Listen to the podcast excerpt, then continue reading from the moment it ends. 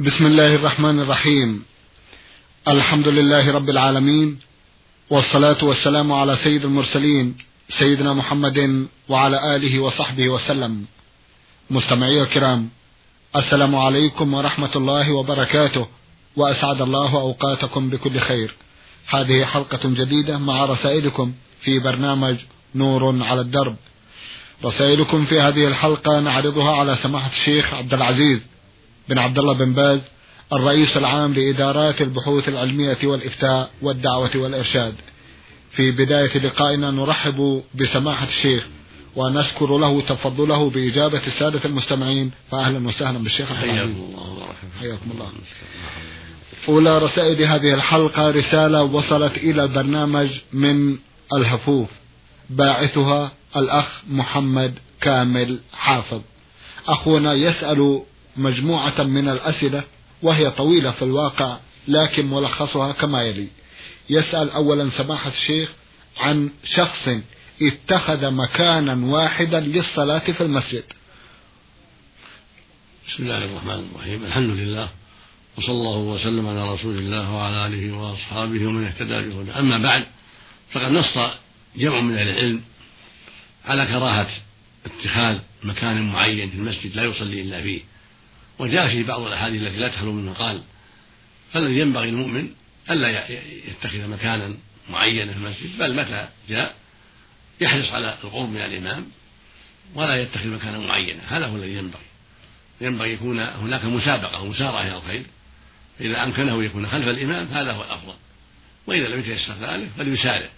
أما يتخذ عمود سارع يصلي عندها أو جدار أو محل معين هذا خلاف المشروع فالمشروع له أن يسابق وأن ينافس في الخير وأن يتقدم فإن أمكنه الصف الأول صار في الصف الأول وإن أمكنه القرب من الإمام صار قريب من الإمام فإن عجز يكون في الصف الثاني وهكذا. أما يتخذ سارية يصلي عندها أو محل يصلي عنده لا يجاوزه ولو كان هناك ما هو أقرب منه إلى الإمام هذا غلط. خلاف السنة. نعم. لكن إذا كان في الصف الأول مثلا واتخذ مكانا في الصف الأول لا, لا يتجاوزه. لا ما ينبغي. لا ينبغي. أقل أحوال الكراهة بارك الله فيكم. يسأل أخونا عن إمام يصلي بالناس وليس على رأسه غطاء. لا حرج في ذلك. الحمد لله. لأن الرأس ليس من العورة إنما السنة يصلي بالإزار والرداء. نعم. يقول النبي صلى الله عليه وسلم لا يصلي أحد في الثوب الواحد ليس على عاتقه منه شيء. فإذا صلى مكشوف الرأس فلا حرج في ذلك. لكن إذا أخذ زينته واستقبل زينته يكون أفضل. يقول الله سبحانه يا بني آدم خذوا زينتكم عند كل مسجد. فإذا استكمل الزينة التي اعتادها في بلاده مع جماعته وكان من عادتهم أنهم يسترون الرؤوس هذا أفضل. طيب. أما إذا كان في بلاد ليس ليس من عادتهم هذا بل من عادتهم كشف الرؤوس فلا بأس يصلي بمكشوف الرأس نعم. الحمد لله. يلاحظ أن كثيرا من المؤذنين يمططون الأذان ويرجو التوجيه. ينبغي المؤمن في أذانه أن يكون سمحا غير ممطط ولا متكلف. وهكذا في الإقامة. السنة في ذلك ألا يلحن فيه. وأن يحفظه أيضا من اللحن. لا يلحن ولا يلحن. اللحن هنا يخل بالإعراب. كان يقول أشهد أن محمدا رسول الله بالفتح اللام. والمشروع يقول أن محمدا رسول الله. نعم. لأن رسول الله خبر أن نعم. مرفوع. هذا النصب يكون من اللحن. وإن كان لا يخل بالمعنى الحقيقة لأن لأن مقصود المؤذن الإخبار بأنه رسول الله عليه الصلاة والسلام. ولأن بعض أئمة اللغة بعض أهل اللغة ينصبون المعمولين. لكن هذا لحن عند جمهور أئمة اللغة وعند جمهور العرب. العرب ينصبون الاسم ويرفعون الخبر في في أن. كذلك من اللحن يقول مثلا اهدنا الصراط المستقيم. يكسرها. غلط المفعول منصوب الصراط نعم. لكن ما يخل بالمعنى. لا يخل بالمعنى. فلا يضر في الأذان أن يقول مثلا حي على الصلاة أو حي على الصلاة ما يخل بالمعنى. لكن ينبغي له أن يكون فاهما عربيا لا يلحن في, في الأذان.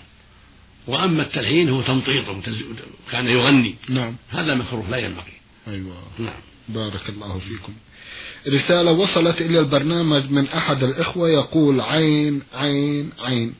أخونا يشكو سماحة الشيخ من بيوت الأفراح ومن المغالاة فيها ولا سيما وأن كثيرا من الناس اتخذها عادة ويشترط لزواج ابنته, ابنته أن يكون فرحها في البيت الفلاني وهي تثقل كاهل العريس ويرجو التوجيه حول هذا الموضوع. لا ريب أن السنة عدم التكلف في المهور والولائم من أجل تسهيل زواج الشباب والفتيات.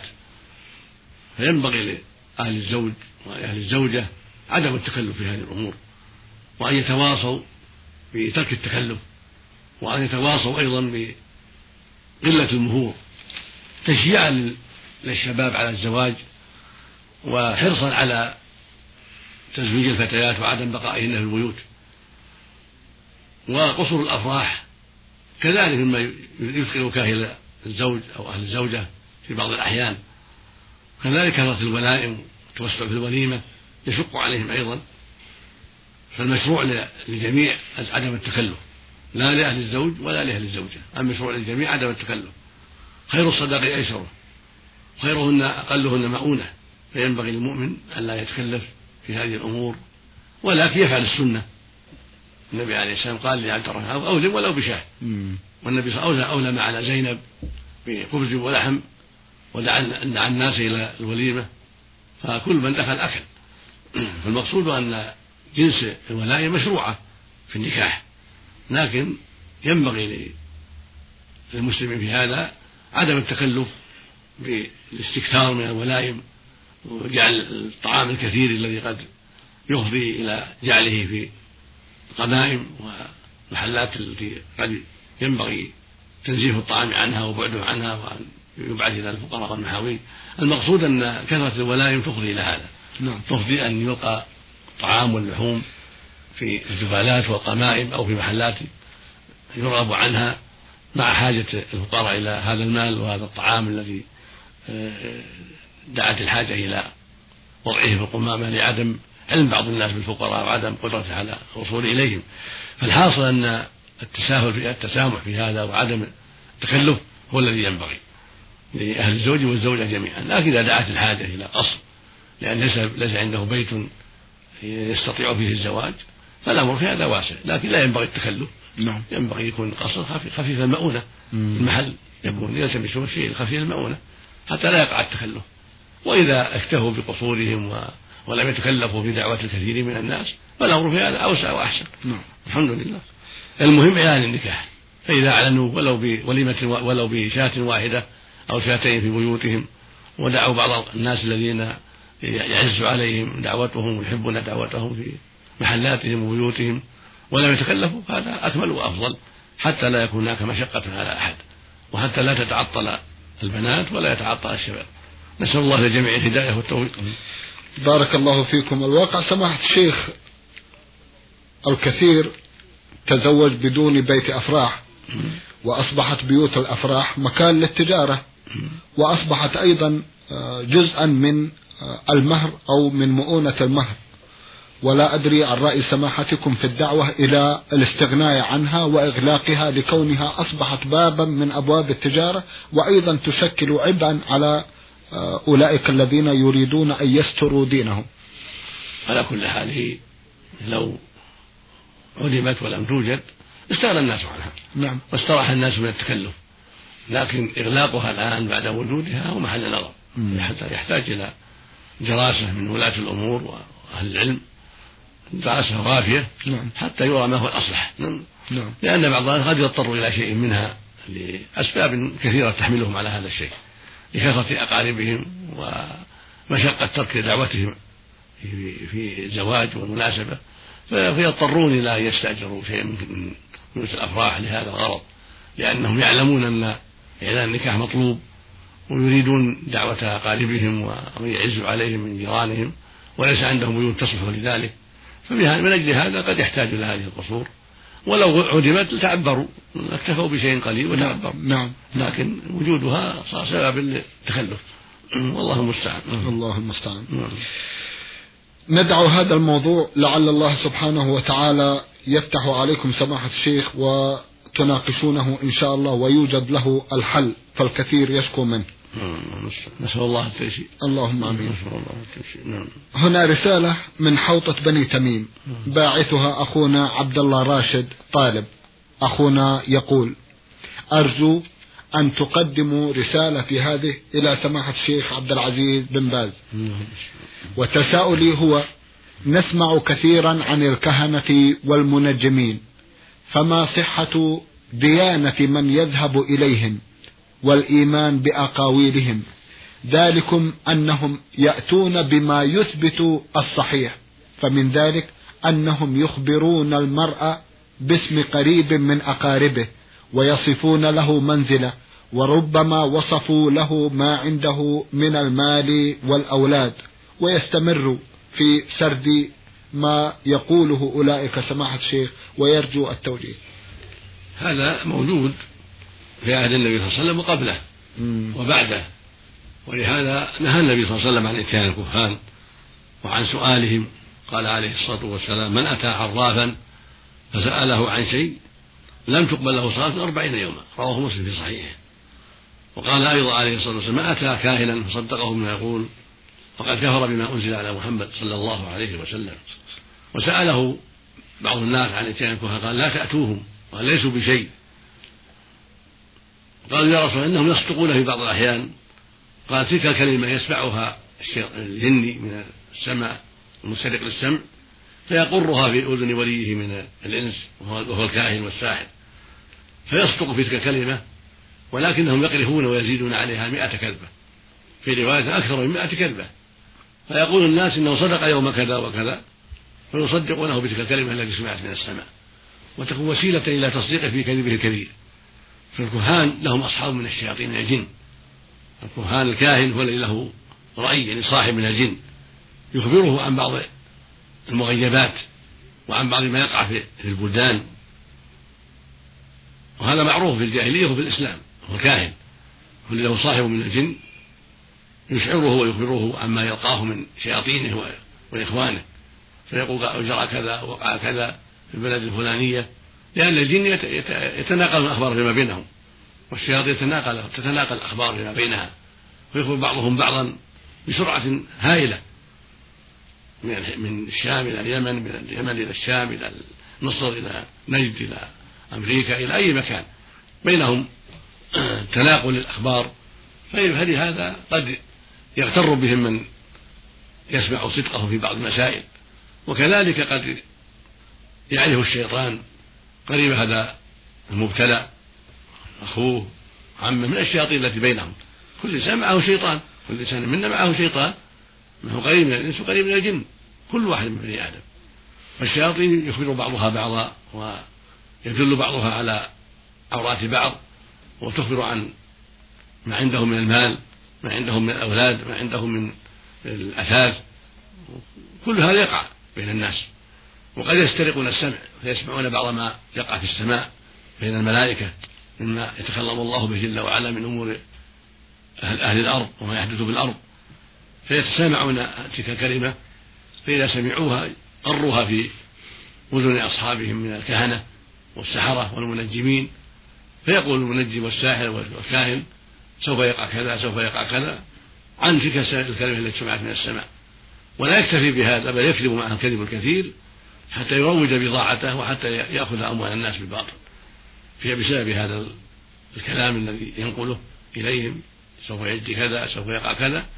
إذا صدق في موضوع نقل الناس هذا الصدق الذي وافق فيه الخبر الذي وقع في السماء أو وقع أو وافق فيه الحوادث التي وقعت في بعض البلدان فعند هذا الناس يغلب عليهم تصديقهم بسبب هذه الحوادث.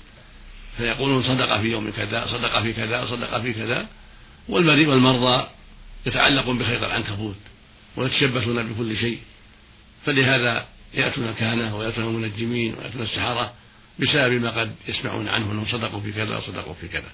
فالواجب عدم إتيانهم وعدم سؤالهم وعدم تصديقهم ولو قدر أنهم صدقوا في بعض الشيء. الواجب تركهم بالكلية لأن الرسول نهى عن إتيانهم ونهى عن سؤالهم ونهى عن تصديقهم فالواجب على المسلمين ألا يصدقوهم وألا يسألوهم وألا يأتوهم بالكلية. هذا هو الواجب على الجميع. وأن يسلكوا في علاج المرضى ما شرعه الله من القراءة والدواء المباح ونحو ذلك مما يعرفه الأطباء. فبين الأطباء وبين القراء الذين يرقون المرضى ويعرفون بإسلامهم ودينهم هذه هي الأسباب الشرعية والوسائل الشرعية. أما إتيان الكهان والمنجمين والرمانين والعرافين وسؤالهم هذا منكر لا يجوز؟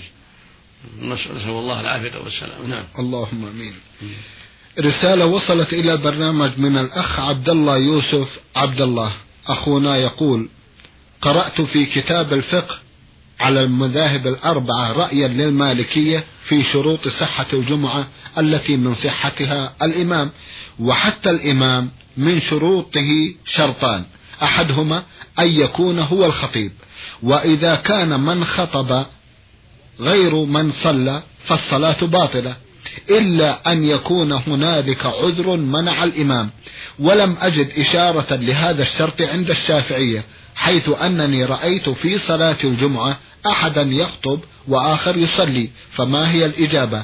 هل صحيح أنه يجب أن من يخطب هو الذي يصلي وإذا كنت مالكيا فكيف تكون صلاتي؟ هل هي باطلة كما ورد في رأي المالكية؟ أفيدونا جزاكم الله عنا خير الجزاء ووفقنا في اتباع الرأي الصائب. المسألة مسألة خلافية بين أهل العلم والصواب أنه لا يشترط أن يكون الخطيب هو الإمام في الصلاة لأن الخطبة منفصلة ليس لها اتصال بالصلاة فالصلاة منفصلة والخطبة منفصلة. فالأفضل والسنة أن يتولى الخطابة من يتولى الإمامة فيكون هو الإمام وهو الخطيب يوم الجمعة وهكذا العيد. لكن لو قدر أن الخطيب لم يتيسر له ذلك بأن أصابه مانع أو حيل بينه وبين ذلك فالصلاة صحيحة. وهكذا لو صلى باختياره ولم يخطب بل بل استناب أن يخطب عنه فلا بأس. الصحيح أنه لا حرج في ذلك لأن هذا منفصل. هذه عبادة مستقلة وهذه عبادة مستقلة. فالذين أجازوا أن يتولى الإمامة غير الخطيب لا حرج في ذلك ولا بأس في ذلك. قولهم صحيح. والصواب في هذا أنه لا بأس أن يتولى الإمامة غير من تولى الخطبة. هذا هو الصواب لأن هذه مستقلة عبادة مستقلة وهذه عبادة مستقلة. ولكن الأفضل والأولى أن يتولاهما واحد كما فعله النبي صلى الله عليه وسلم والخلفاء بعده. السنة أن يكون الإمام هو الخطيب. لكن لو عرض عارض ومنع مانع فصلى غير الخطيب فلا بأس. هنا رسالة وصلت إلى البرنامج من إحدى الأخوات تقول عين عين من جمهورية مصر العربية وتقيم في وادي الدواسر. أختنا تقول إنها كانت تعمل ممرضة في وحدة مدرسية أنكرت منكرا رأته في عملها فكان سببا لطردها من العمل وكان سببا لتعاستها ولمتاعب نفسية وأصبحت أيضا تنهى أولادها عن أن ينكروا أي منكر وترجو التوجيه. لا شك أن هذا غلط كبير بل الواجب عليها إنكار المنكر ولا يضرها كونها طردت أو استغني عنها فقد أرضت ربها جل وعلا وفعلت ما ينبغي لها والأمور بيد الله سبحانه وتعالى. ولهذا يقول صلى الله عليه وسلم من رأى منكم منكرا فليغيره بيده فإن لم يستطع فبلسانه فإن لم يستطع بقلبه فذلك أضعف الإيمان. والله يقول في كتابه العظيم سبحانه وتعالى والمؤمنون والمؤمنات بعضهم أولياء بعض يأمر بالمعروف وينهون عن المنكر. ويقول جل وعلا كنتم خير أمة أخرجت للناس تأمر بالمعروف وتنهون عن المنكر وتؤمنون بالله. فإذا فعلت ذلك طاعة لله والتماسا لمراته فإن العاقبة تكون حميدة. ولا يضرها ما فعله سوف يغنيها الله عن ذلك وسوف يكسبها ما يغنيها عما طردت عنه وما وما أقيلت منه. فالله هو الرزاق جل وعلا وبيده الخير كله سبحانه وتعالى. وهو القائل عز وجل ومن يتق الله يجعل له مخرجا ويرزقه من لا يحتسب وهو قائل سبحانه من يتق الله يجعل له من أمره يسرا. فعلى المؤمن وعلى المؤمنة تقوى الله جل وعلا وعلى المدرسة والطبيبة تقوى الله وعلى كل مؤمن تقوى الله في إنكار المنكر والدعوة إلى الخير بالحكمة والكلام الطيب وليس لها أن تنهى أولادها عن إنكار المنكر. بل توصيهم بإنكار المنكر والأمر بالمعروف لكن بالحكمة نعم. والكلام الطيب والأسلوب الحسن نعم. لا بالشدة والعنف والغلظة ولا بالفعل بل بالقول لأنه لا يستطيع الفعل إلا أولو الأمر نعم. ومن فوض له هذا الأمر أو الإنسان في بيته مع أهله قد يستطيع ذلك بالفعل أما مع الناس يكفي أن ينكر باللسان ويقول يا أخي اتق الله هذا لا يجوز هذا منكر إذا كان يعرف ذلك إذا كان عنده علم أما إذا كان ما عنده علم فليس له الإنكار إنما يمكن من عنده علم أن هذا منكر وأن هذا نهى الله عنه سبحانه وتعالى. نعم. الله المستعان. الله المستعان. هنا رسالة وصلت إلى البرنامج من أخينا خالد بن محمد هنيدو. أخونا يقول إذا كان الإنسان محرما بالحج أو العمرة وتمزق إحرامه بسبب سقوطه على الأرض فهل يجوز له أن يخيطه أم لا؟ له أن يخيطه وله أن يبدله. لا بأس إذا انشق إحرامه إزاره أو رداؤه وخاطه لا بأس. وكذلك لو أبدله بغيره لا بأس. المخيط المنهي عنه هو المخيط الذي يحيط بالبدن كالقميص والفنيلة وأشبه ذلك. أما مخيط قطعة في قطعة مثل رداء قطعتين ثلاث بعضها في بعض يجعلها رداء أو إزار لا بأس. هذا لا يضر ولا يمنع. الممنوع إذا قيل المخيط المراد المخيط الذي يحيط باليد بالبدن بالرجل كالخف هذا هو اللي ينهى عنه. أما مخيط لا يحيط بالبدن مخيطا بل هو ثوب قطعة ثوب لا يكون قميصا ولا يكون مثل قفاز ولا يكون مثل الخف ولا يكون مثل فليلة بل هو قطعة. يوصل بعضها ببعض. هذا لا بأس به ولا حرج فيه. بارك الله فيكم. هل يجوز للمسلم إذا كان مسافرا سفرا طويلا أن يجمع الصلوات الخمس في آخر اليوم؟ هذا منكر عظيم لا يقوله أحد. من أهل يجمع الصلوات الخمس هذا منكر عظيم. لا ليس له ذلك. وإنما يجمع بين الظهر والعصر فقط نعم. في وقت إحداهما أو بين المغرب والعشاء في وقت إحداهما. أما الفجر فلا تجمع إلى غيرها. صلى في وقتها دائما في السفر والحضر قبل طلوع الشمس بعد طلوع الفجر وقبل طلوع الشمس. أما الظهر والعصر فلا مانع من جمعهما قبل أن تصفر الشمس. صلي الظهر مع العصر بعد دخول وقت العصر لكن قبل أن تصفر الشمس لا يؤخر. أو يقدم العصر معها في السفر مع الظهر جمع تقديم هكذا المغرب والعشاء إما يقدم العشاء مع المغرب فيصليهما بعد دخول الوقت أو يؤخر المغرب ويصليها مع العشاء بعد غروب الشفق وقبل نصف الليل. هذا هو المشروع للمسلمين. أما جمع الجميع في آخر النهار هذا لا يجوز. رسالة وصلت إلى البرنامج من الأخ صهيب نون ألف. أخونا يقول لو تفضلتم بشرح الحديث التالي يقول صلى الله عليه وسلم اثنتان في الناس هما بهم كفر الطعن في الأنساب والنياحة على الميت وما معنى الكفر بالذات في هذا الحديث؟ هذا حديث صحيح رواه مسلم في الصحيح. عن أبي هريرة رضي الله تعالى عنه عن النبي صلى الله عليه وسلم قال اثنتان في الناس هما بهم كفر الطعن في النسب والنياحة على الميت. الطعن في النسب التنقص أنساب الناس. فلان في كذا فلان في كذا فلان نسبهم في كذا في كذا يطعن في أنسابهم ويعيبها بشيء في نفسه أو ترفعا وتكبرا. هذا لا يجوز. أما إذا كان باب الخبر بني تميم صفتهم كذا قحطان كذا قريش كذا بني هاشم كذا يخبر أنساب أنهم قبائل وأنهم كذا وأنهم يخبر عن أحوالهم من غير طعن بل يخبر عن أنسابهم وتفاصيلها هذا ليس من الطعن في الأنساب. الطعن معناه العيب. والتنقص لهم تكبرا وتعاظما أو لإظهار عوراتهم والغيبة لهم ونحو ذلك. ليس قصده سوى ذلك. والنياحة معناها رفع الصوت عن الميت. ينوح يعني يرفع صوته يبكي بصوت واضح ظاهر. هذا ممنوع. والكفر هنا كفر دون كفر. الكفر هنا كفر منكر عند أهل العلم هو كفر أصغر. لأن الكفر كفران. والظلم ظلمان والشرك شركان أكبر وأصغر. فالشرك الأكبر من الدعاء الأموات والاستغاثة بالأموات والنذر لهم أو للأصنام أو للأشجار والأحجار أو للكواكب هذا شرك أكبر. والشرك الأصغر مثل هو لولا الله وفلان ما شاء الله وشاء فلان هذا شرك أصغر. الواجب يقول لولا الله ثم فلان ما شاء الله ثم شاء فلان. وهكذا الحديث بغير الله كالقول والنبي أو بالنبي أو وحياته هذا شرك أصغر. هكذا الرياء يسير مثل يكون يستغفر يسمع الناس يرائي أو يقرأ يرائي هذا شرك أصغر. والظلم ظلمان أكبر وأصغر. فدعاء الأموات والاستغاثة بالأموات وجحد ما حرم الله كالزنا ونحوه. يعني استحلال ما حرم الله وجحد تحريمه هذا كفر أكبر. وهكذا جحد ما أوجب الله كجحد وجوب الصلاة أو جحد وجوب الزكاة كفر أكبر. وكالذبح لغير الله.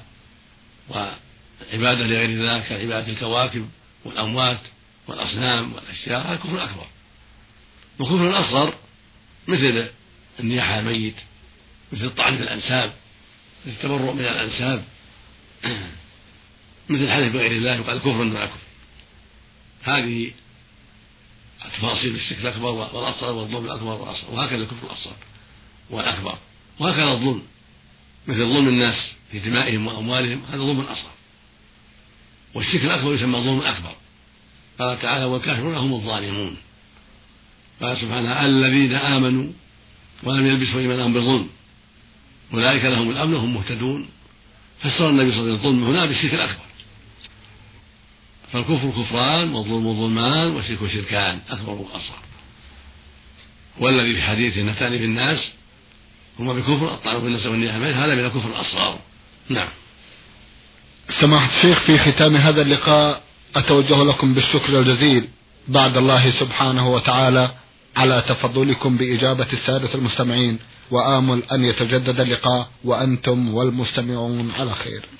مستمعي الكرام كان لقاؤنا في هذه الحلقة مع سماحة الشيخ عبد العزيز بن عبد الله بن باز الرئيس العام لإدارات البحوث العلمية والإفتاء والدعوة والإرشاد. من الإذاعة الخارجية سجلها لكم زميلنا عبد الله عريف الحربي. شكرا لكم جميعا وسلام الله عليكم ورحمته وبركاته.